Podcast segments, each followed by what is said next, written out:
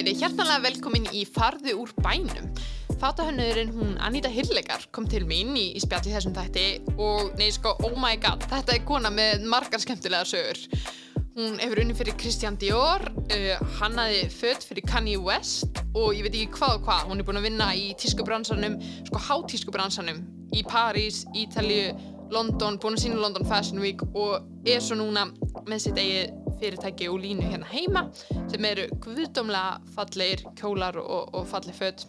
Þannig mæli endilega með að tjekka henni og bara, já, bara, ég, ég skemmti mig svo vel, ég er bara með gleði hjartan eftir þetta, sko. Þetta var, hérna, já, ótrúlega gaman, ég vona þegar við hafum gaman að þessu ég.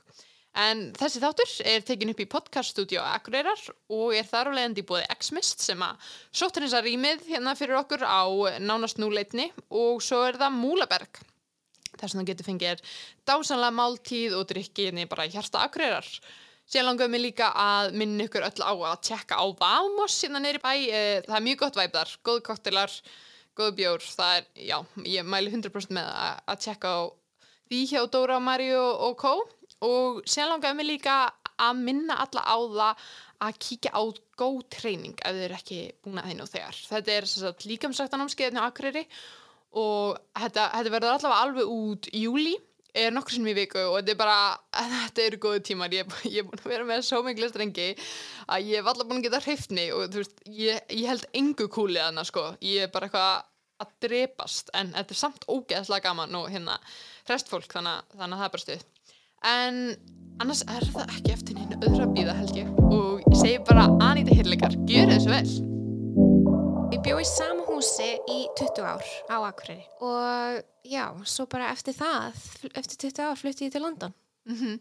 Gekkja, og þú varst í, hvað segir, lundaskóla og fórst svo beint í mentaskólan? Já, ég fór í lundaskóla og já, og svo fór ég á félagsverðarbreyt í mentaskólan. Mm -hmm. En varstu, hvenna byrjaður að hanna?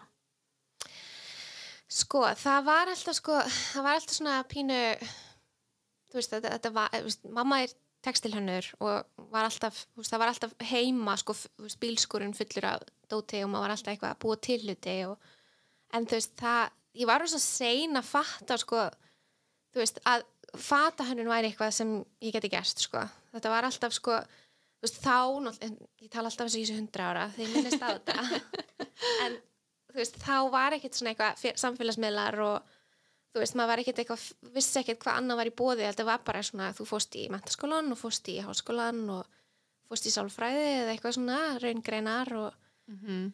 en hérna þú veist, ég man þegar ég var eitthvað 17-18 ára þá man ég, þú veist, að þetta ég fann þessa grein, þú veist sem var fata hönnun og hérna ákvað bara byrja aðeins að pröfa, þú veist, þetta er kannski eitthvað sem ég þarf að læra en ég þarf að fara til að útlanda til að læra hana og veist, og þá gerði maður það bara mm -hmm. en þetta var aldrei eitthvað moment sem maður var eitthvað, ó ég ætla að vera hönnuður eða eitthvað, veist, nei, var, nei.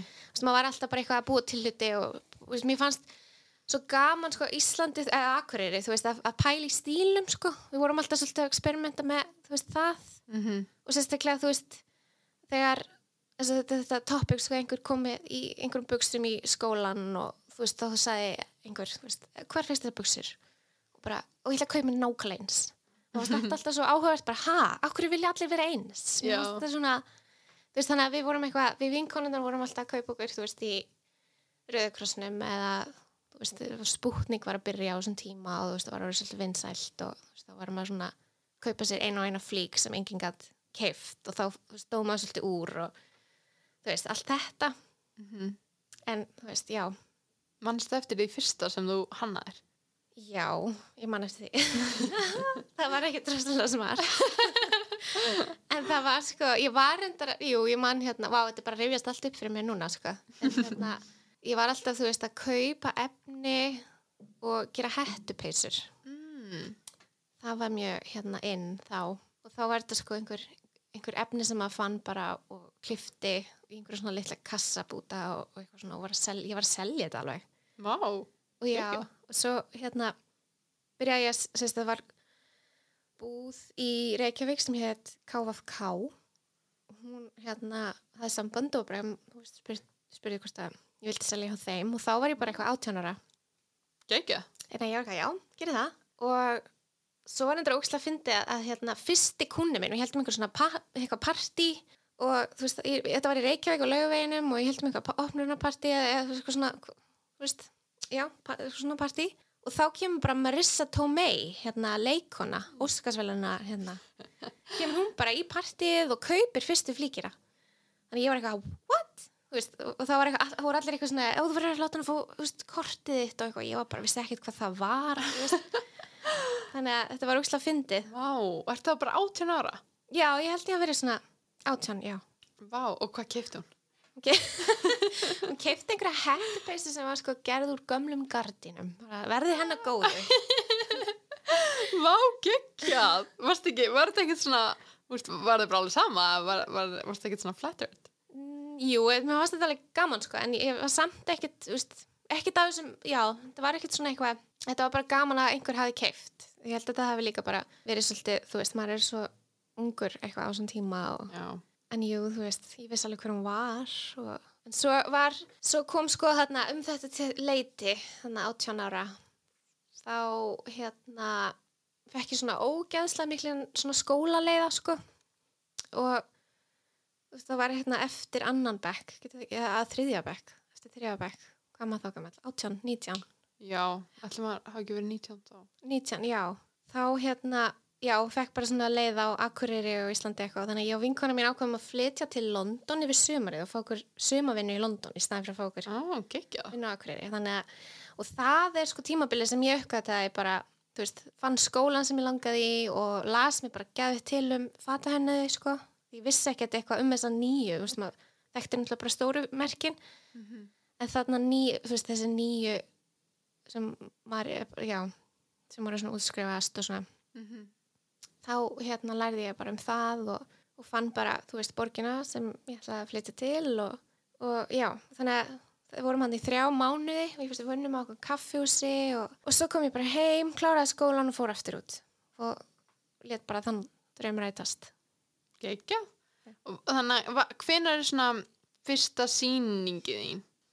Tvista, tvista tískusýningi mín. Já. Sko, það hefur auðvitað verið, guð, úf, það hefur auðvitað bara verið BA-sýningi mín, sko.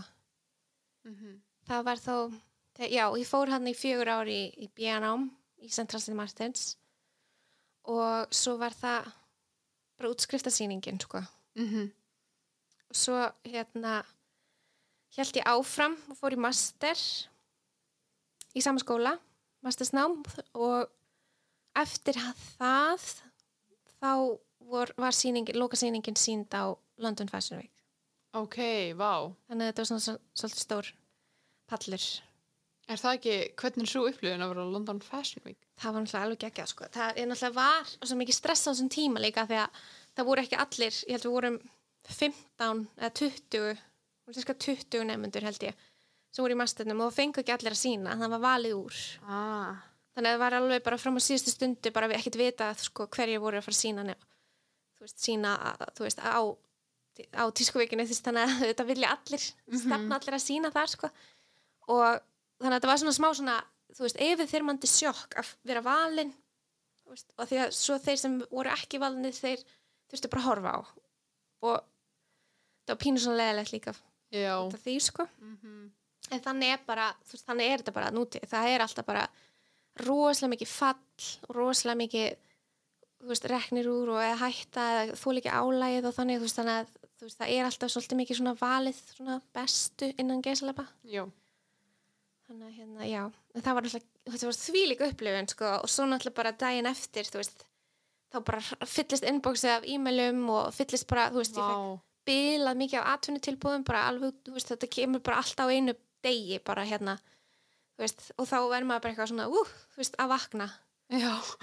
Er það ekki svona geggju til, tilfinning að vera bara ekki að vakna og bara hundra aðtunum tilbúð? já, sko, já, ég fekk mitt fyrsta sko áður en ég útskæðast, það var hérna já, það var sko ég síndi þarna á föstu degi og mánudegi var hringt í skólas sérst, kennara minn og sagt hérna við viljum fá hann í viðtal og það var fyrir ítalska merki sem heitir Búlgari er svolítið þekkt fyrir skarkripi en eru líka með alls konar svona leðurvörur og, og þannig. Og ég fór í viðtal á þriðu degi og fekk starfið bara strax. Og, ég, og þú veist, ég vissi ekkert þú veist, þetta var þriðu dag eftir útskriftarsýningu og ég var ekki eins og búið með námið þú veist, ég var bara, uh, hvað ég fór að gera? Og þetta var svolítið intens verkefni þannig að ég talaði við kennara minn alveg bara, hún, hún sagði bara, þú verður að gera þetta. Þetta er bara mjög gott tækifæri og ég sagði bara já. Og svo bara fekk ég á miðvikudeginum bara fullt af brífum til að vinna. Þannig að ég var strax byrjuð að vinna bara og var síðan flógin til Milán og eitthvað svona veist, þannig að þetta- þetta var, þetta var svo mikið og svo á sama tíma sko, þú veist, föstudeginu fekk ég hérna e-mail frá Stella McCartney og svo, þú veist, á mánudeginum eftir það veist, þetta var bara svona, Vá. það var svo mikið sko, og maður var eitthvað sitt, þú veist, á ég, hvað á ég að velja? Og ég segja já við öllu og samt ekki búið með skólan sko. Luxusvandamál. þetta er svolítið lúsisvandamál En sko. samt vandamál. en svo líka þú veist eftir hérna þú veist svo var já, svo þetta, þetta er líka svolítið bara svona þú þarf að finna innsæð, bara hvað sé innsæð sko, Mm hvað langar mann að gera og, og svo náttúrulega fekk líka þú veist, mikið líka bara þú veist, fólk að segja þú veist, að þú verður að gera eitthvað fyrir sjálfa þú veist, þú verður að gera þitt eigi brand og hvetja mann svona til þess líka Mhm. sem að ég vildi alls ekki gera Já, ok. en fyndið. já, alveg bara, það var síðasta sem ég ætlaði að gera Wow. en svo bara leittist það já, bara já, bara fór það Mm eins og það fór Já, já, bara gekka. En hvað, varst að taka öll, öllum þessum tilbúðum eða þú veist eins og hjá Stelma Katni og svo leiðis? Nei, ég bara fór í, fór í viðtal Já. og það, hérna sérst, ég fór í viðtal hjá fullt af fyrirtækjum af því að eiginlega kennari minn svona benti mér á, sko sem, svona það er mjög gott bara að fara í viðtal og segja þeim frá þessu að þú sérst að takast þessu starfi í, á, hjá Búlgari og sjá svo bara þú, þú veist, hvað, þá, kannski kemur eitthvað setna eða eitthvað, en Já. hún hvatti mig alltaf til að fara í viðtal og segja aldrei nei við því, því það er ekki droslega gott, sko Nei, mitt. þannig að ég fór í öll þessi viðtöljú og náttúrulega hérna það gekk rosa vel en, en svo náttúrulega kemur það alltaf í ljós bara, já, en svo er ég fjóra mánuði núna næstu Já. í burtu og, já, þannig að það er svona en þú veist, þetta er, þetta er náttúrulega bara óslega góð reynsla líka bara fara í atvinnu viðtal það, er- það, er, það er svona mæla alltaf með því, sko Algjörlega. Hvað var fyrsta atvinnu viðtal sem þú fórst í? fyrsta atvinnuviðtali mitt, sko, alvöru atvinnuviðtali mitt, það var það var mjög fyndið það var hérna þú veist, það var fyrir Christian Dior í Paris, Einmitt. það var mjög Ég er svo að reyna að hugsa um fyrsta atvinnu viðtalið mitt. já, Ég held að það veri fyrir gisti heimili en Já. okkur. já einmitt, sko, akkurýri þú veist, þá, þá er þetta ekkert svona, ég fó bara með CV-ið mitt og bara, hei, hérna, vandur ykkur vinnu hérna er CV-ið mitt, bye Já, já, já. en þetta var svona, já, ég sótti um og ég sett, skrifaði bref og ég, veist, það var gert verkefni og svo var aftur sótt um og veist, þetta var bara ferli Mm svo var búið í viðtal á sko fínasta hótelinu í London og klukkan, þú veist, nýju morguninn og það var bara mætt í fínum fötum tíum, eða þú veist, akkurat klukkan nýju, sko. Mm Því það er svona regla, sko, þú mátt ekki mæta of snemma og ekki of seg. Mm. mæta klukkan nýju. Ok. Pressa. Það er svolítið pressa. En já, það var mjög fyndið, sko. Ég var eitthvað svo yfirveguð og afslöpuð. Þú veist, ég væri ekki þannig í dag ef ég væri að fara í viðtal þar, sko. Nei. En það, þú veist, ég mætti bara að vera 300 krakkar sem sóttu um aldrei verið eins mikið eitthvað sótt um, þú veist, og, og hérna og ég var, ég vissi ekkert hvað ég var að fara að sækjum heldur, það var bara eitthvað hérna Christian Dior, þú veist, hérna sumar veist, það var eitthvað verkefni eitthvað scarfs, hérna depart, department eitthvað. Og ég var eitthvað, ok, gegg, ég get bara gert klúta það er bara geðveitt Mm og svo fór ég þarna og mætti þarna fyrst fimm mínútur fyrir eitthvað og tekur, tekur hérna maður á móti mér sem er á matsölustanum og bara já hérna, hérna þú veist maður bjóði sæti og rétti mig matseðil. Og ég er eitthvað ha, matseðil, býtu og ég bara fara að bóka mér hérna og bacon. Og bara hendi mér einni brauðtertu hérna. En svo, þú veist, koma þau og þetta er alveg, þú veist, þetta er rosa franst hérna lið, þau koma þrjú, þrýr hönnir og svo einhver frá svona human resources. Og alveg bara þvílíkt upp stríluð og fín, sko. En ótrúlega næs og ge gekk rosa vel og, þú veist, ég útskýrið bara þú veist, svona hvað, þú veist, allt portfóljum mitt, sko. Og hérna, já, og já, svo bara frétti ég það að ég, ég hafði fengið jobbið og flutti svo til Parísar nokkrum mánuðið senna. Ok, er þetta eftir að þú útskrifast? Nei, þetta er bara í náminu. Þetta er bara í svona starfsnáminu. Það Já, er bara já, þú þarfst að vinna fyrir Mm. fyrirtæki. Og náttúrulega bara allir sækja um einhvern veginn, þú veist, já, þetta er starfsnám sem er eitt ár sem verður að fara út að vinna. Annars verður þetta ekki metið, sko. Já, já. Þannig að ég fór, var hjá þeim í fimm eða sex mánuði og já, og svo sko fyrsti dagurinn annað, sko, þú veist, já, ég held ég væri bara að fara að gera klúta einhvern veginn allan tíman, þú veist, þetta var svona okkur simpul, en svo mæti ég þarna fyrsta daginn og ég fæ bara skrifborð og ég fæ bara partur, ég er bara partur af teiminu og þú veist, við erum tveir sem, við erum tveir sem fengum hérna, fengum þetta Já, 2 af 300. Já. Vá. já, vorum tvö þarna sem fengu og, og þú veist, við vorum bara sett á hérna glerbord, bara móti ykkur öðru og við vorum bara guðminn góður, ég, var, þú veist, ég fekk svona guðminn góður, ég var í klossum Þú veist, ég veist, þetta var eitthvað svo unreal, þú veist, ég var, þú já, og svo hérna já, svo bara byrja ég, þú veist, fæ ég bara fyrsta verkefni mitt og bara já, hérna, hönnuðurinn sem er minn yfirmaður sem er bara einn af hönnuðunum fyrir hátískuna. Hann þú veist, kemur og, og brífar mig á einhverju verkefni og, og bara já, hérna bara já, ok, það sem við erum, þú kemur bara inn í þetta verkefni núna og svo færið þitt eigið, þú veist, þannig ég var í rauninni með tvö verkefni og svo, þú veist, byrja hann að tala um einhverjar hérna, textil, þú veist, ég þarf að gera eitthvað með efnum og svo segir hann bara, já, heyrðu, svo sem við þurfum eitthvað endur hana fyrir Karla Bruni, fórsetafróna og ég var eitthvað, ó, ok veist, þannig að fyrsta, fyrsta og ég horfði á þetta og bara, já, ég bara endur, endur gera þessa drakt, já, já Oh my god.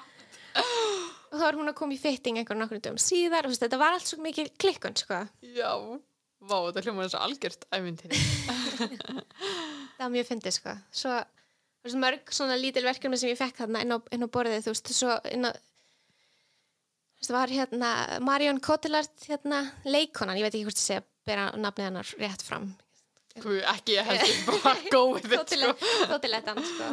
en, en hún er sko fransk leikona og rosa uh, mjög respectful þarna og hérna ég átti sérst að hanna dúkku fyrir hana einhver Ok. svona sérstakka dúkku og, og ég var endalist að búa til dúkku þú veist, ég var bara hva, hvernig, á, hvernig dúkku þú veist, á, og hún átti, átti að líti út eins og hún þú veist, Ah. og við vorum hann að tvö í þessu verkefni svolítið bara having a laugh sko. Þetta, þetta var mjög fyndi verkefni og þau öll eitthvað, þú veist þetta er bara fyndi, hérna, föstudags eftir nún fáum okkur svo bara kampaðinn veist, Mhm. eftir þetta og, og svo gerði ég eitthvað og sendi inn hérna prototíp af, af dúk, dúkkunni og svo fæ ég bara á mánudeginu bara þetta var ljótasta dúkkan sem hún hefur séð og var bara mjög móðguð Já.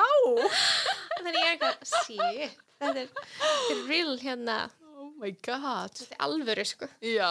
Það lendir í einhverju vissinni með þetta eða Nei, var þetta bara að fyndi? þetta var bara fyndið og það hlóðu allir af sig þetta var eitthvað fyrir eitthvað sérstakt sko eitthvað svona, Mm. en þetta, þetta kom mér ekki til neina trouble eða neitt sko Nei, ok, það er gott. Oh my god. Þannig að þú ert bara búin að vinna í hátísku heiminum í París. já, já, þetta var alveg þar sko, þetta var hérna hátískan og, og svo líka náttúrulega þú veist, sama teimi vinnur svolítið líka með Ready to Wear Mm -hmm. og Pre-Fall, þú veist, þetta er svolítið sama teimi sem vinnur að þá vallana var það það og þessi tí, þetta tímabil sem ég var var, voru við að vinna fyrir hátískuna og sem er í rauninni þú veist, þetta dýrasta dýrasta sko, Já. þetta er alveg allt sérgert og, og svona fínustu, fínustu efnin og, og þá var ég að bara að vinna textil svona manipulations og var að vinna hönnununa með yfirmanni mínum, þannig að við vorum bara tvö svona saman, það var rosalega intimate sko, Já. og þetta var ekki að því þau taka svo lítið af nefndum Mm og svona starfsnámi sko, eða svona, já, þannig að þau vilja alveg hafa svolítið close sko. Og enda þú veist, er þetta eitt af fáum stöðum sem maður fær actually borgað, þú veist, ekki að vinna frítt Já, já, já. þannig að þú færð paycheck sem er geggja Mm Það er æðið sko En hérna Vinkona einn sagði mér að þú hefðir sko farið á tískusýningu 17 ára eða eitthvað til Los Angeles með mömmuðinni. Já, heyrðu, ég, maður gleymir þessu bara jafnæði. það, já, það er alveg rétt. Og þá ertu að sína þín fött. Já, já. Það var sko mjög fyndið því að mamma var alltaf eitthvað að hvetja mig til að gera eitthvað svona, hérna, taka þátt í einhverjum æfinturum, sko. Og þetta var sérst í Los Angeles, já. Og þetta, hérna, ég sendi inn, sko, ég gerði einhverja flíkur svona fiskiróði sem mér fannst geggjað og bjóð til einhverja svona, þetta var allt mjög litríkt og skúlturíst, sko. Og ég sendi þetta inn í þessari keppni í Los Angeles og svo komst ég inn og, og hérna, og bara já, þú veitna, hlum að bjóða þér á sýninguna. Þannig að ég fór, ég held ég að verið 16 ára, sko. Vá, ok. Já, ég held, sko, ég var ykkur fyrsta ári, í ég- ári mentaskóla. Því ég misti akkurat, ég misti sko af ássatíðinni fyrsta. Í Mm. Ég var eitthvað svona, á, og ég til Los Angeles eða vera í þjóðbúning hann í einu dag. einmitt, einmitt. Þannig að já, ég fór til Los Angeles á fyrsta ári, þarna, með mömmu og pappa. Vá, geggjað. Já, og það var, þú veist, og þá líka við fengum hérna konan sem átti keppninu og svo hrifina því þetta var náttúrulega bara hérna eitthvað fiski dót sem hún kannast ekkit við Já, og þá, já, þá var einhver tískursynning og við gistum heima hjá henni sem var bara Art Museum upp á hérna Vá. Beverly Hills veist, þetta var geggjað gaman Vá, sko. já. og já, og þá hérna já, og svo bara kynntist ég fullt af fólki sem var eitthvað svona ótrúlega fancy en ég átti eiginlega enga samleið með þeim, ég fann það strax. Ég var ekki alveg þessi LA típa sko. Mm þannig að hérna, en það var geðið gaman að fá bara kampa inn í morgumat og svona sko. Vá, þetta er allt svo fancy. ég var samt bara í mentaskóla þarna sko. Já. en ég held þú veist að já, það, það er bara að gera eitthvað svona þú veist, ég hef alltaf verið svolítið bara að gera eitthvað þú veist, hérna bara go for it eitthvað. Já, og þú veist, ef, ef, ef ég sé eitthvað sem heitla mig þá bara, bara fer ég þangað veist, það er Mhm. ekkit hérna ég, nenni ég nenni ekki að hafa tími að efa efast um hluti. Þegar þú varst síðan í skólanum, þá var bara svona normi að vinna með skóla bara stanslust. já, jú, Og hvernig þú veist, ert að díla við, uh, sko, að því að, hérna, ert að fá alltaf bara já við öllu. það er mín spurning. sko ég, ég þetta, já, sko ég var, ég, já, ég var mjög heppin sko uh, þú veist, ég er búin að læra Það er góð líka. ég er svona búin að læra það að, þú veist, ég var með góður vinnukraftur sko Já, ég- hérna, kennarinnir sáu það og voru svolítið að pizza hugmyndum og pizza tækifærum mín af því að er ekki ekki. þú, já, af því það er þannig í skólanum sko að kennarnir eru náttúrulega bara fatahönniður og vinna í bransanum þú veist, þetta er ekki svona eitthvað sérstofnun sem er bara, þú veist, kennarar er að kenna þarna og svo er heimur út fyrir hann, þú veist, Mhm. þeir eru alveg að vinna þarna og við fáum oft bara gesta kennara sem eru bara fatahönniður í einhverjum tískuhúsum þannig að þeir sjá vinnunum hans og svo bara, heyrðu, viltu eða, þú veist, frílansa eða bjóðum hann eitthvað, eitthvað upp á borðið, þú veist Mhm. þannig að þetta, já og veist, þannig var alveg ótal mörg þannig verkefni sem komu veist, og, og ég lærði bara þú veist, maður verður bara að segja já. Veist, þó maður sé með í skóla og eitthvað, þú veist, þú, þú bara þú veist, það er ekkert annað sem kemur til greina, einhvern veginn. Mhm. og já, þannig verkefni var alveg frekar mörg, sko. Og stundum náttúrulega bara bitnaði það á skólanum, sko, en svo náttúrulega bara, þú veist já, Maður læri samt líka svo ógæslega mikið á því að vinna bara, er já, það ekki? jú, þú veist, þetta er það sem ég er að læra, þannig að Einmitt. og þú veist, söm verkefni voru, þú veist, erfiðar en önnur, sem voru bara, þú veist, eins og þú veist, voru líka svona svolítið tengd skólanum, sko, þú veist, eins og það kom hérna tískuhús, eða, já, svona high street hús í, sem heitir J.Crew, var í New York. Og ég held að sé hætt í dag, það var eitthvað svona. En þú veist, þau komu inn og voru bara, ok, við erum að leita hérna, veist, hérna vinna með veist, leita til að þróa nýjar peysur hjá okkur. Og þú veist, ég og, og einhverjir nokkrar krakkar fengu það. Og þá var, voru við bara búið til einhver efni og, og koma með hugmyndir af peysum og sem voru síðan framleitar í Kína þú og þú veist, það var úslega gaman og, og ek, ekkert sem ég var eitthvað að læra en ég læriði helling á því að vinna bara bara að þessu verkefni. Og svo til dæmis þú veist, kemur til dæmis þegar ég var í á fyrsta ári í ma- masternum sko, þá er ég að fæ ég eitthvað svona auka, auka hérna, kemur sko tískús sem heitir Chloe. Og það er alltaf verkefni á fyrsta ári að vinna með þeim og, og hérna, það kemur hönnuður og svona. Og á sama tíma þú veist að það var og ég var eitthvað í erfileikum með námið sjálf þú veist, ég var líka bara að kenna mér var svolítið á mér að, að bara, ok, þú ert ekki með nógu hugmyndir fyrir skólan, þú veist, þú þarft að mm. þér þar og, og ég var samt með þetta Chloe og svo kemur sko annað verkefni það sem vinkona mín bara kemur til mín og bara, heyrðu, bara ég hérna, er með verkefni handa þér bara hanna hérna peysur fyrir Kanye West hann er með brand í, á Ítalíu var að byrja þá og ég var bara, oh, við með góður nei, bara henni Nei! það er nei! ég, ég var alveg bara, ég, ég veit ekki þú veist, þetta er bara gat hann ekki beðið, sko. Þú veist, það var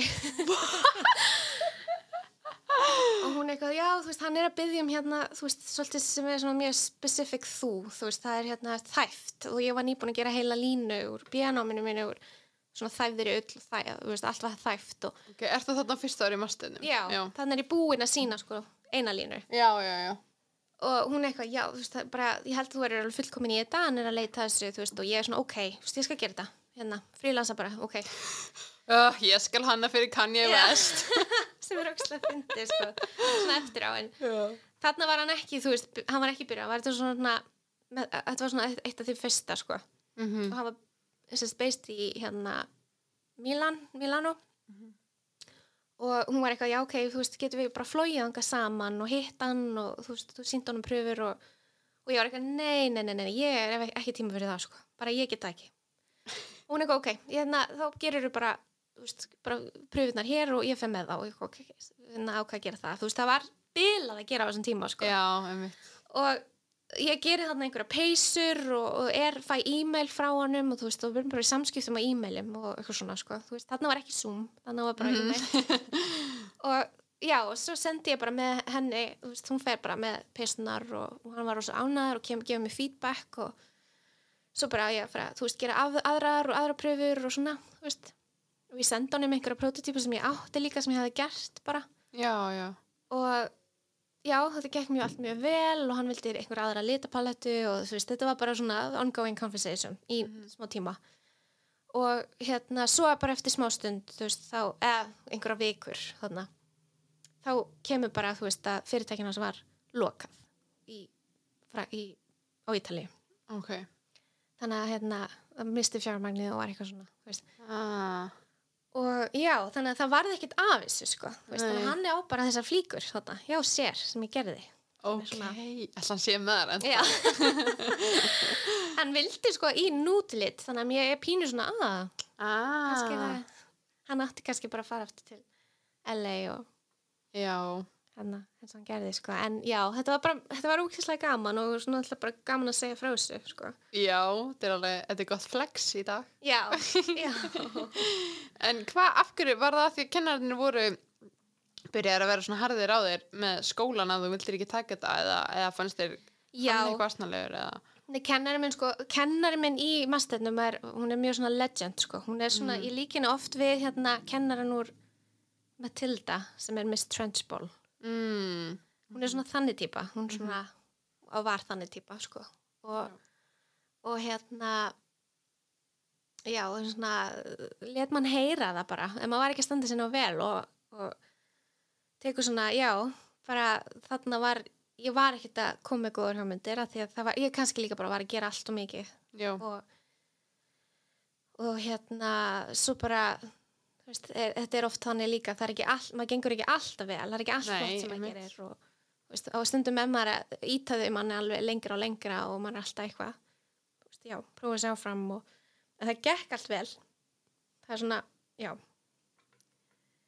Svona, þetta var bara þessum tímapunkti sem að það hætta ekki alveg. Já. já en þú veist já, já, bara fyndi svona því ég gleymis ekki þegar hún kemur sko, já, bara, hvað minn góður bara, nei þetta er svo skemmtileg viðbröð en var hann, hann var samt frægur á þessum tíma já, eða? já, já, já, hann var sko nýbúin að gefa út held ég einhverja plötu þannig Mm.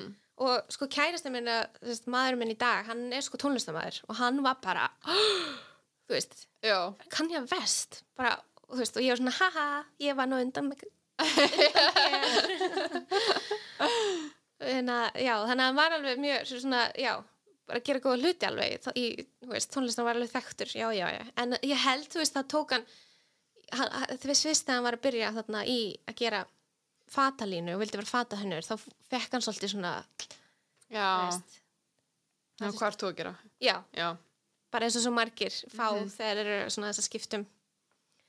Þannig að já, og þess, ég held að ég hef bara veist, já, í dag er þetta kannski allt öðruvísi þú veist, einhvern veginn að maður horfa á þetta en þarna í þessari búblu þá bara þá var þetta bara fyndið sko. mhm það er ógíslega skemmtilegt ef hann myndi hringið í dag og væri bara Anita, við erum að gera nýja línu hvað myndir þú segja? ég myndi bara, jeps count me in, no problem. Það væri bóka mér örugglega flug núna Já, nákvæmlega. Nú kem ég. en ég það, hvað, eftir þessa fjóra mánu sem þú varst í Ítalíu, já, hvað tekur við þá? sko þá er ég þú veist, ég er rosa mikið á sýningum þarna líka. Ég er að sína sko masterslínuna mína alveg búið um allan heim sko. og ég er svolítið að fylgja henni eftir þannig að ég fer til Þískaland svo fer til Prag og fer, já, fer eitthvað til Bandaríkjana og svo hérna svo rennir þetta allt saman í eitt graut. Já. en svo, já, svo var ég sko var mér bóðið þarna að sína næstu línu, sérst eftir útskriftalínuna sem heitir svona debut línan. Já, og það var mér bóðið að sína hana á London Fashion Week ok, geggja. og já, sem partur af svona Wants to Watch hönnuðum og við vorum fjögur sko, sem voru sérst að valinn þar inn og þá fer ég bara að vinna mína línu næstu línu eftir það Já. og ég vinn hana á Akureyri Ah, já. vá, skemmtilegt. það er æði. Þannig að það, þá byrjar þá boltin að rúla með þú veist að þú að síðan ákveða, ok, kannski ger ég mín, mín föt já, ég ákvað það eiginlega. Og svo eiginlega gerist það að ég verð ólétt. Mm. og þá hérna já, eins og svo oft þá vill maður bara vera svolítið á örugum stað. Mér fannst London vera breytast svo mikið á þessum tíma. Það var eitthvað svona skrítið orka þar og það var náttúrulega bara kaotíst að finna stúdjó og íbúð og eitthvað svona þú veist og ég var eitthvað búin að vera þarna svo lítið að ég var búin að vera svo ferðast svo mikið. Mhm. þannig að ég, og ég fekk sko frá bara mínum svona stuðnings svona aðilum að ég ætti bara að vera á Íslandi og vinna svona svolítið slow þar. Af því að það sem ég var að gera sem var svona mitt eigið var sko að ég var að handbröytira Já. en ég var að handgera textilinn úr bara, bara handsauma sjálf og það hendaði bara svolítið konseptinu og mér að vera á Íslandi. Þannig að Já. ég ákveða svolítið bara að ok, þetta er bara vingill sem ég ætla að taka. Svona smá áhætta. Mhm. og, og, og s- samt á sama tíma sko var ég alveg að fá verkefni sem ég var að vinna. Þú veist að þá var- fekk brautir í verkefni hérna frá einum hönnuði í London og ég var eitthvað, já ég sendu bara allt til Íslands. Og var að fá allt sendt sem var algjörlega hellað það því að tollurinn stoppar alltaf allt þannig að ég er eitthvað, ok, það er ekki praktíst þannig, að- já, þannig að ég fór að taka mér sko munstur frekar og hætti Já. að, að brautura fyrir aðra. Og fór að frekar að hanna munstur því þá get ég senda bara digitali það var ekkert tollvesen sko. Mhm. þannig að það var alltaf svona on the side sem ég var að, að gera sko. Og, og hérna já og, og saman tíman alltaf þá bara að vinna að mínu eigin sko. Það ég fann líka að það var svolítið svona ég var að fá pantanir frá konum, þú veist, ég var að fá mjög áhuga og það var síða í London sem var að selja sérst flíkur og eftir, eða, hérna, svona, já, bara útskristalínuna mína sem hétt sjóstúdjó og þau, þau, þau voru að fá mikil, mikil svona eftirspurt sko Já. en alltaf stærðin það sem maður gerði var bara eitthvað Já. sæsíra enginn passaði í það en hérna, já, þeir stannaði það var eitthvað svona áhugi og það var eitthvað svona að krauma sko, Mhm. þannig að ég fylgdi því svolítið svona eftir sko Og byrjar þar að leiðandi bara með síðan þína línu sem að fór síðan með í kiosk eða? Eða Nei, sko, er ég búin að hoppa mörg á það? Já, þetta er alveg. Ég skil, ég skil. já, já, en þú veist, jú, það var þess að svo, já, svo er ég bara svolítið komin til Íslands og hérna og er bara með stelpunum mína, sko, búin að eiga þarna og þú veist, og, og já, na, þau buðu mér, sko, þarna úti. Ég var komin þrjá mánuð leið þegar ég var að sína hana í London. Vá, já. Og þau- þá flutt til Íslands og fer þá já, aftur? þá er ég svolítið komin til Íslands búin að ákveða þetta topic fyrir svo út að sína línuna og þá eru þau þannig sem eiga þetta. Þá hérna eru þau, þú veist, fara með mig bara hérna svolítið afsýðis og bjóða mér sko bara hérna bara díl, bara ok, viltu, þú sýnur hjá okkur í næstu þrjú sísón og við munum, þú veist, sponsera þig veist, og, og þetta er þá þryggja svolítið svona samningur sem við myndum gera með þeim. Þannig að þau í rauninni bara ráða því í vinnu til samt að hanna eða nei, Þitt, bara, eða? þetta er í rauninni bara plattform. Þetta er bara, þá myndi ég sína hjá þeim mm á þessu plattformi á London Fashion Week. Já, og svolítið svona eins og þú veist, þú sérst að taka þátt í einhverjum svona hátíð eða þú veist, um að segja Mhm. það henni gæslega bara svona, þú veist að, já, bara sína línuna þína með þeim já, og þá eiga þau þig svolítið, veist, þetta er svolítið þannig líka þá geta þau svona við erum að sína hana og fá alla kaupendur og fá, þú veist, þau líka svolítið eftir svo þannig að þetta er svona, fyrir þeim er þetta náttúrulega smá fjárfesting í mér, Mm en vonandi er þetta bara win-win situation, sko. Af því að þau borga þér síðan fyrir að sína. Já, þau, þau því- gefa mér þetta bara frítt þannig að þau gefa mér P, að, veist, alla PR og gefa mér Já. módelin sem náttúrulega kostar, kostar fáránlega peninga sína á svona stöðum sko. þú veist, bara allt þetta auka, þú veist, og sýningapallurinn þau eru með staðsendinguna, þau eru með tæknimennina ljósin, allt þetta Mm -hmm. og náttúrulega bara vinnuaflið og ég Einmitt. mæti þarna bara með flíkur Já, þrísvar næstu sísón þannig að þetta er þið það var svona ársamningur tvö sísón á ári þannig að þetta er þrjú sísón já, já. en hérna, það sem stoppaði mig var náttúrulega þau segja næsta sísón er þá bara í mars ég er hann í september næsta sísón er þá í mars sem er þá autumn winter Mhm. og ég er svona, já, ég á eiga í mars Já, það er eitt hérna. já, það er bara einn bopp í bátinn og ég er sem sagt hérna þetta náttúrulega bara kemur svolítið já, þú veist ég segja þeim bara þannig að eftir á ég komin til Íslands bara ég get því mér ekki gert það því að hérna þú veist, ég sé, ég, ég er, og þau náttúrulega vildi ekkert býða eitt sísón því eitt sísón er svolítið bara, þú er þá ertu átt sko, Já, þú, þarft að vera svo mikið í leiknum sko, svona you gotta be in it to win it sko. Mhm. þannig að ég fattaði strax sko, ok, ég, þetta er erfitt að, að vera að taka þátt, þú veist, að því að þú í þessum bolta, sko þú þarft, og þú veist, og þá fattaði ég líka strax bara, ok, þetta er ekki að henda mér, að því að þetta hendar ekki plönunum mínum og þú þarft að vera alveg bara á miljón, veist Mhm. og vini mínir sem, veist, voru líka bara, já, þú getur ekki byrjað aftur setna, þú veist, þú byrjuð núna, búin að sína hérna eina línu það hefði þá freka verið að, þú veist, ég hefði ekki byrjað að sína hana fyrir en þá setna til að fylgja? Þetta er rosalega flókið dæmi og fáralegt Vá. þegar ég segi þetta sko. Já, En þetta er vonandi að breytast í dag. Já, vonandi. Þetta er ekkert mjög hendugt fyrir þá eins og konur sem langar eignan spötn eða eitthvað. Já, nei, nei, þau þurfa bara að gera þetta sko. En þarna náttúrulega, þú veist, líka var ég ekkert svo viss, þú veist, maður var líka bara, þú veist, þá var ég eitthvað, ó, vil ég gera þetta, þú veist, en þá hugsaði ég líka bara, þá er fínt að vera í Íslandi og búið til sína einreglur Mm og þetta náttúrulega bara var fullkomið dæmi um það, að þú getur bara gert það sem þú vilt, þú veist, ég get bara gert fimm flíkur, veist, og sínt það bara fínt, ég þarf ekki að vera með línu sem er eitthvað 20 lúks, veist, þetta er allt svona eitthvað. Já, En já, og svo hérna eftir þetta, náttúrulega bara, já, þá fyrir, byrja, byrja ég bara svolítið að einblina hérna heima og, og flytri ekki af ykkur.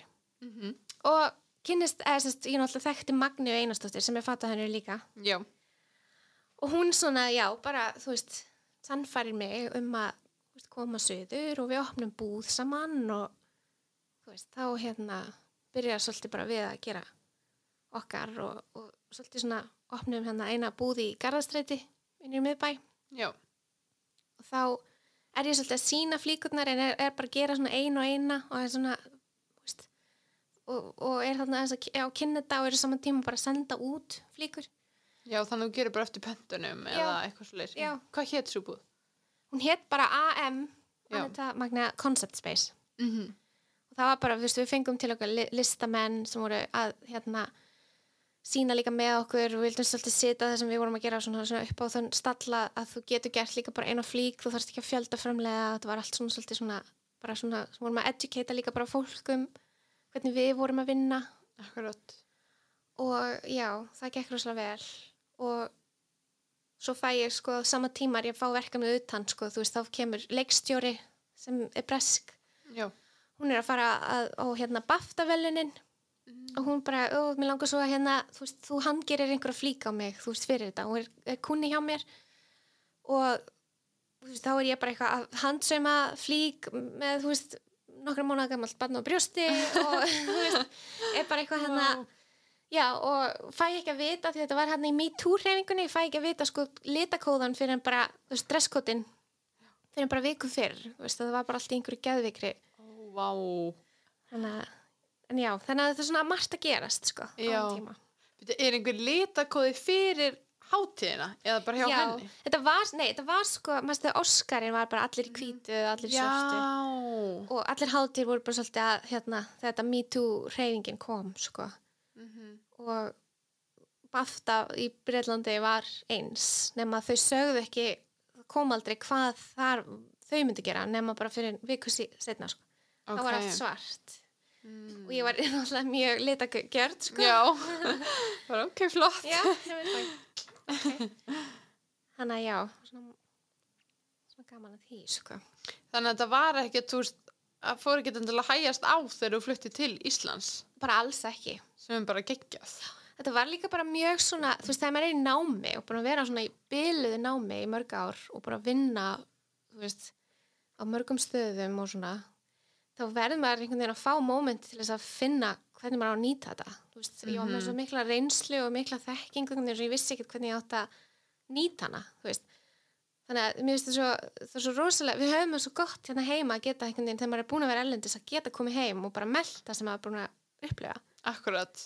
Já, mjög sammála. Þetta er mjög góða punktur, sko. Og hvað, hvað er þið lengi með hérna þessa búð? Við erum með hana í tvö ár. Já. og svo, já, svo inn á milli sko þú veist líka, þetta, já, þetta kíoskæfintýri kom náttúrulega á fullkomun tíma af því að, já, við vorum búin að vera sko, svolítið svona að finna staðsningu og við erum búin að vera svolítið svona, þú komað þarna COVID veist, líka eftir og og þær sko já, náttúrulega kíos, ég þekkti kíosk veist, voru, þær voru náttúrulega saman á lögaveginum, sko Já. og hérna já, það er ég held að hafi verið fyrstu bylgju hana, þá, þegar allir voru skítrættir Já. þá þá ringir, eða sérst heyrir held ég Eigló og Helga í Magnu og spyrir hvort að við viljum ekki joina og opna kiosk með þeim. Já. og ég var bara nei, nei, nei, nei. Bara, ég er skítrætt heima undir teppi í COVID, þú veist, ég þóri ekki að opna verslun. Það er bara en svo einhvern veginn hittu við þær og þær eru svona svo frábærar og, og svo skemmtilegar og þú veist og ég var bara ok, þetta er geggjað. Og þær fengu geggjastæðsendingu og ég hugsaði svona ok, þetta er geðveikt, geðveikt tími til þess að bara mörgja alla saman og þú veist, þetta vantar sem búð með íslenska hönnun þú veist, þetta voru allir svolítið bara svona sikkuru Mm bát, sko -hmm. þá, já, þannig að við ákveðum bara að slá til Algjörlega. Bara geggjað og búið að ganga ógislega vel síðan bara. bara ógislega vel Já. og þetta er svo frábært teimi Já. og þú veist líka bara einhvern veginn við erum alla með sikkuru sko, komum með sikkuru áttinni og með sikkuru reynsli með sikkuru kunnahóp og þú veist, við erum einhvern veginn bara allt í einu það er enginn að byrja þú veist, við erum alla með einhvern, einhvern hérna, þekkingarbanka Akkurat. og við erum bara að deila Já. Það er Og- bara æði. já og verður, gerist eitthvað þegar svona fimm konur koma saman og bara byrjar eitthvað að böbla Mm Mjög spennandi. Og hvað ertu svona helst að vinna að í dag? sko, í dag er ég náttúrulega bara að fókusa á mína línu sko Mm og og já, og er bara að þróa hana og já, og svona ég fór sko úr þessu brautir í stemningu í að gera kjóla og print og munstur. Já. og það gengur rosalega vel.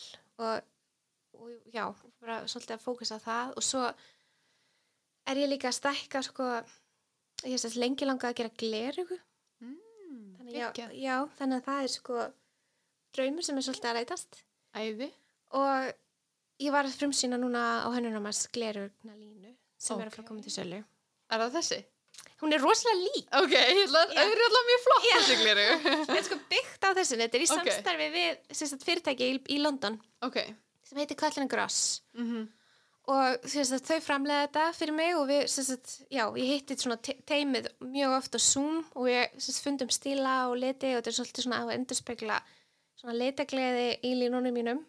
En er samt rosa kvenlegt og hérna já, bara eftirteknaverð Já, þeir eru það, Já. þessi eru mjög flott. Þannig að þú ert alveg ennþá með svona pínu annan fótinn úti, eða hálfan fót eða eina táið eitthvað svona. já, Já. um, já, það er það sko ég er alveg hérna og mín, þú veist, mitt svona network sko kemur að utan, þú veist, Já. ég, hérna ég á náttúrulega rosa mikið að vinum þar sem eru, þú veist, að vinna í bransunum og, og er, ég er ennþá miklu sambandi við og þau eru náttúrulega líka svona, þess að fyndi sko þegar ég hugsa alltaf sko, ef ég hefði farið þessa leið það fara bara að vinna fyrir aðra veist, þá, þau eru öll svo brend á því. Þau eru svo þreytt og þau eru svo mikið álag og þú veist, og maður, þetta er svo klárlega rétta leiðin sem ég tók, ég finn það alltaf sko því sem tíminn líður sko.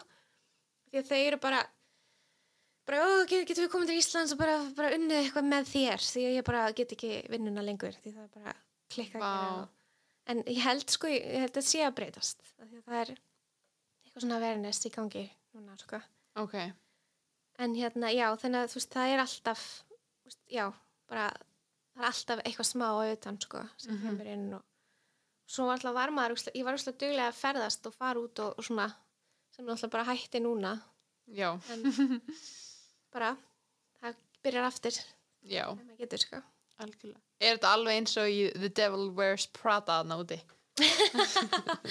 já, fólk með Já. hérna, já, þetta er, þetta er svona pínu þannig sko. Nema sko nörd ég hef alltaf svolítið upplegað hérna fata hönnuðnir sjálfur eru svolítið nördarar. Ah, þetta er kannski ekki beint sko fata hönnuðnir mhm, sem eru svona því að þú veist allan að sérstaklega þeir sem voru kringum mig og ég hef unni mig á svona veist, þetta er bara svolítið nördarar sem er að hérna svona passionate sko að, og klæðast oftast ekkert smart fötum endilega sko nei, En það er, þú veist, liðið sem er stílastannir og PR fólkið og það er svona þessi hinir, sko, sem eru mjög fyndnir. sem að gefa svona vond look og eitthvað. já, sem mæta á tískasynninga með hérna, svongleiru og svona. Mér finnst þetta alltaf mjög fyndi hérna heima, sko. Það er, af því að það er svona alltaf, þetta er lítill bransi og það þekki einhvern veginn allar alla. Mhm. Þannig að hérna, já, ég er svona, ég hlæst stundum að þessu, svona hérna. Já, er fólk alveg að gera þetta hérna líka? Það var svona, það er kannski svona stemning fyrir þegar er sýningar, sko. Það Já. finnst það mjög merkilegt að sitja á fremstu röðu og svona, veist, þetta býr bara til einhverjar búblu.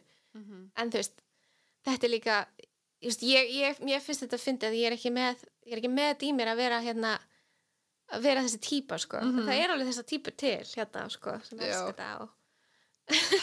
Það er svo skemmtilegt. Já, en svo hittum við þetta daginn eftir, þú veist, í bónus, Já, þú veist, með krakkana sína. já, mitt í joggingalunum. Já. Já, já, já, akkurat. En hvernig, hérna, í skólanum, þegar þú varst að sína, ert að byrja að sína hérna línuna einar og svo í framhaldinu, hvernig ert að velja móturinn fyrir línuna einar? Eða færð að velja þau? Já, ég fæ að velja sko það er, hérna, en það er rosa mikið svona um, það er alltaf mjög erfitt sko en við gerum þetta svona saman í hóp sko Mm. af því að hérna að já, af því að uh, þetta er svona líka veist, já, mótilin eru náttúrulega tiny sko, þetta er allt þetta voru allt size zero bara þú veist, þú þurftir alveg að hérna minka alltaf, Ok. þau eru svo mjó Og það var bara, og þú máttur ekkert velja stærri mótil eða? nei, það er ekki Já. þeim tíma sko Ok, vá. þetta var bara það sem var í bóði og náttúrulega miklu, miklu þú veist, í dag er þetta allt annað sem betur fer. Bara, þú sérð alls konar bara gender og, og líkapstýpur þú veist, og þetta er ekkert svona eitthvað stereotypisk mótel eins og það var, þú veist, að því að það var bara veist, það var hvernig hæð og upp, líkamsbygging og svona sko, þú veist, það en hérna já, já, þetta sem betur fer en, en það var þú veist, það var, já, teimi svona svolítið í kringum mig sem hjá, vorum að hjálpa stað og, og svo var náttúrulega bara ef mótilinn, þú veist, þau þurftu að labba og það, í fitting og þetta var, Já. það var allt svona líka sem þurfti að taka. Já, svona að finna hvernig væpið er, hvort það passi við fötin og Já. eitthvað svo leis. Já. Og finna, þú veist, góðan hóp, þú veist, það vildi þetta hópur af fimm mótilum eða eitthvað sem þú fegst sem voru svona svipaðar. Já, og já, mínar sko þurftu að vera ákveðin hæð því, veist, þannig að það var svona yfir 179 eða eitthvað. Mm. Já. En er þetta, þú veist, að þetta er náttúrulega breytast núna eins og það segir, en er þetta ekki, þú veist, er þetta líka breytast í high fashion heiminum og eins og skólinn þinn núna, er hann með alveg bara, veistu hvort hann sé með, þú veist, bara allar hæðir og allar stærðir og er gerðir og já, það er frábært. algjörlega og þeir, það er miklu meira relevant í dag að, að gera það veist, að vera með alls konar manneskjur, þú veist, þetta sé ekkit endilega módel, Mhm. þú veist, sem er svona já, bara svo grönn að segja þetta í sundur, sko Mhm. og hérna miklu meira nútímalega að vera eins og bara til dæmis með, þú veist, eins og þú veist, eins og trans líka þú veist, það bara gender neutral, þú veist, það er ekkit það er ekkit sem segir til um kyn þú veist, að þetta sé bara persónleiki Mhm. og, og þú, þú veist, það er líka komnar bara þú veist, það svart, þú veist, svartir voru þú veist, ekki- þú sást ekkit mikið af svörtum módulum þegar ég var útskrifast en þú veist, miklu meira núna Já. og þú veist, asísk, þú veist, það, það var smá að byrja þarna Mhm. en hérna, þetta var allt mjög svona evróst útlit, sko vestrænt, Já. en já og svo í dag er þetta líka bara, þú veist, þetta er þú sér miklu meira plus size Já. miklu meira veist, þannig að þetta er þetta er að breytast og líka bara með, þú veist, þessu social media og svona, sko, hvernig þú veist, ég held að það sé svo miklu meira awareness af, af þessu, sko, þú veist, og, fyrirtæki vera gaggrínd ef þau nota bara einhvern veginn svo þetta var, þú veist, þá fáðu bara gaggríni og og sem, já, þannig að það eru þetta er að breytast Þetta er að breytast. Já. Já, algjörlega. Hver, hver veistu vera svona helsti munurinn á bransunum hérna heima og eins og þetta í London? og það er svolítið mikill munur sko. Já. Uh, það er náttúrulega sko, þú veist, það er svo mikið að stefnum í fyrsta lagi í, í London, þú veist, þú, það er alls konar í gangi. Þú veist, þannig að þú veist, með þessi, þessi, þessi fínu, fínu merki og svo ertu með svona pínu street look og svo ertu með avantgarde þú veist, sem er svona þess jaðarstemninguna stemninguna sko. Já. þannig að þetta er, þetta er já, hér heima er þetta, getur þetta svolítið verið svona einhæft svolítið Já. en, Allir eins. já, en hérna já, en það er náttúrulega líka bara við erum svo fá, svo lítil grein og þetta er ung grein líka, þannig að það er veist, gæðin eru stundum svona questionable bara Í þá íslensku hönnun. já, já. þú veist, þetta er, þetta, þetta, er að, þetta er að breyta sem alltaf er breytast líka en þú veist, ú- úti er þetta sko gæðin og þú veist, fáinin í kringum fagurfræðin er svo sterk sko, þau eru með svo rótgróna sögu af, af tísku þú veist, og þetta er takt við menninguna þeirra, veist, þetta er takt við pöngið og eitthvað svona skilur hér er þetta svona svolítið svona við höfum þjóðbúningana og við höfum þú veist, Já. svona aðeins stittra en þú veist, við höfum íslensku ullina og það er verið að gera ótrúlega hluti með það og þú veist, en, en við erum bara búin til svona svolítið as we go Já. Einmitt. Já. Serðu eitthvað fyrir, heldur að minni koma svona íslensk svona verslun þar sem er svona, að því að minnst alltaf íslensk hönnun, hún er svo ógeðslega flott en hún líka alltaf svo, þú veist, það er, maður er ekkert mikið að kaupa sér bara eitthvað gallabuxur og, og hérna hvítan stutturmábóli eða eitthvað þar. já, já, heldur að muni einhvern tímann koma svona verslun þar sem er bara, þú verslar bara basic föt á bara sangjarnu eða skilur bara góðu verði þess að þetta er bara svona pínu fjöldaframleitt skilur já. En samt allt íslenskt og framleitt hér og eitthvað. Heldur það sé eitthvað sem myndi koma eða heldur þetta verði svona frekar sérstakt næsta árin? Eða svona að sérstakt og góðan hátt? Já, sko, þetta er alveg góð spurning því að ég, ég náttúrulega, já veist, veist, kannski er markaður fyrir það veist, að eins og það er í Skandinavíu, það er til dönskmerki og sænsmerki sem eru akkurat þetta. Mm og þú veist, þú veist að þú kaupa gæði þú kaupa hvítan bólu en þau eru gæði og það eru einhverju Akkurat. tískuðsi þannig að algjörlega, ég get alveg séð þetta ganga. Þetta er frí hugmynd. Þetta er bara geggið hugmynd. Þú er bara núna. Við fyrir í þetta. Þetta er einmitt sko, þú veist, þetta er þetta basic hlutir sko. Og ég var einmitt, þú veist, talandi um hvítan stuttarmaból, þá var ég í fyrsta skipti bara svolítið að langa í hvítan stuttarmaból, Mhm. þú veist, sem er bara einhvern veginn hefur ekkert að segja um, Akkurat. en, en, þú veist, já, og ég veit ekki hver ég var að fá hann, sko Nei, nákvæmlega.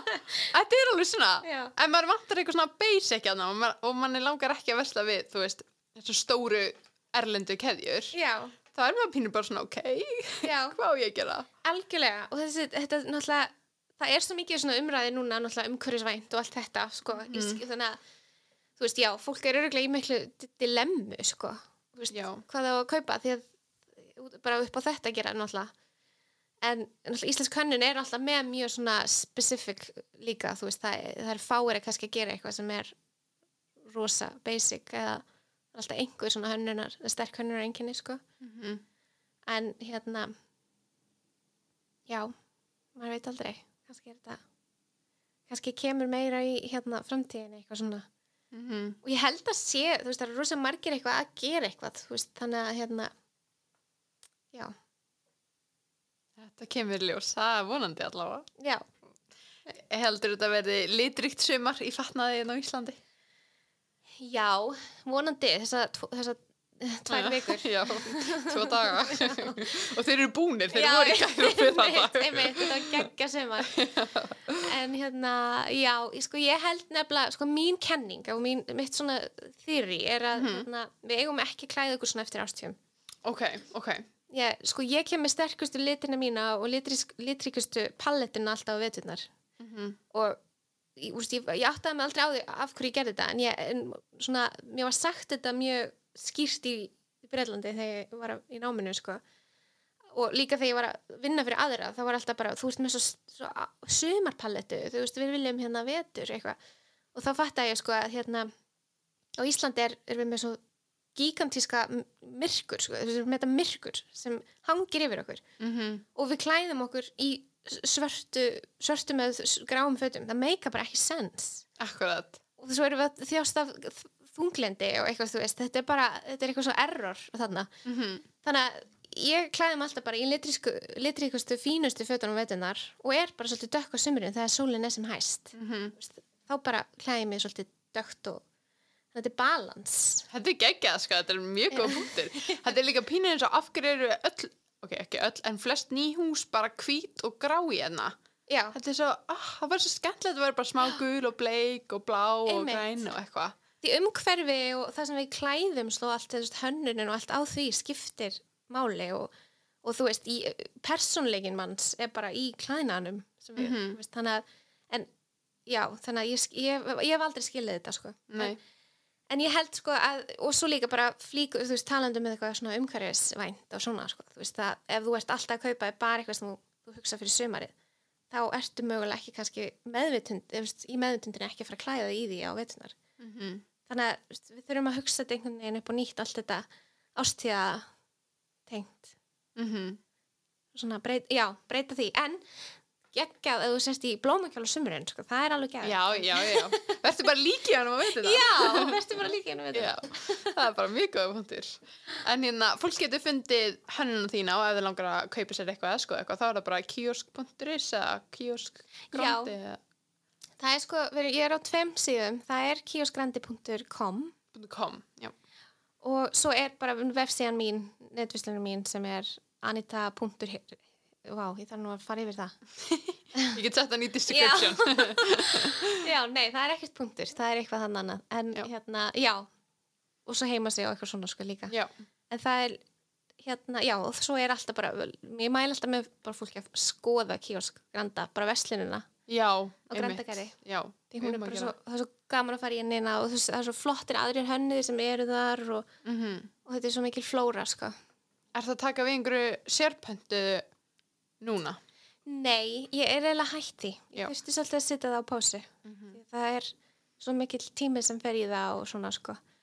En, og með, meðan að hitt gengur líka bara það vel að það er svolítið svona að vera fókusaður því. En ég ger oft bara svona ein og eina flík svona fyrir þá sem svona þegar maður fær mi mikið af eftirspunum af einhverju þá, þá ger ég bæti því við sko. -hmm.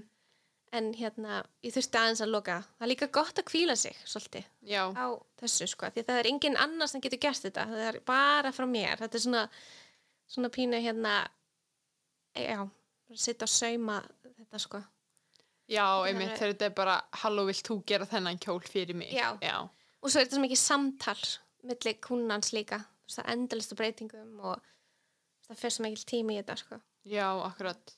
Ertu að sauma uh, öll fötið þín sjálf eða ert, ertu ekki með fólki vinnu að jú, sauma? jú, jú, ég er með fólki vinnu ég sauma eiginlega ekkert sjálf sko. Nei, er- einmitt. en hérna, ég er með fólki vinnu hérna og heima og, og er bara búin að byggja rosalega gott heimis frá því ég byrjaði treysti vel að þekka mína hérna, svona búblu því ég ég get stundu verið mjög óákveð þannig að þau eitthvað svona eru þólimáð þannig en ég hérna.